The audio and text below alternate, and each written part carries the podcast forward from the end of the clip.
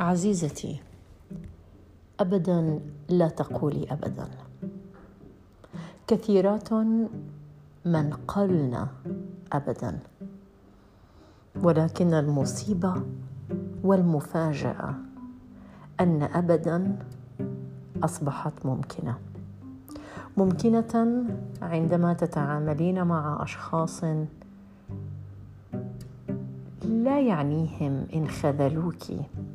إن كنت سطرا صفحة أو ختام صفحة أو كنت في نهاية الغلاف. لا تقولي ابدا لأن المستحيل أحيانا يتحقق وببساطة وبلمح البصر وطرفة عين. لا تقولي ابدا أن ذلك ابدا.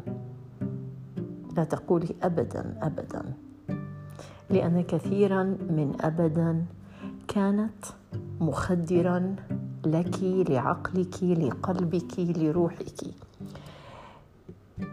لتتمسكي بخيوط واهية بأحلام آمال موجودة فقط في عقلك وروحك وكيانك.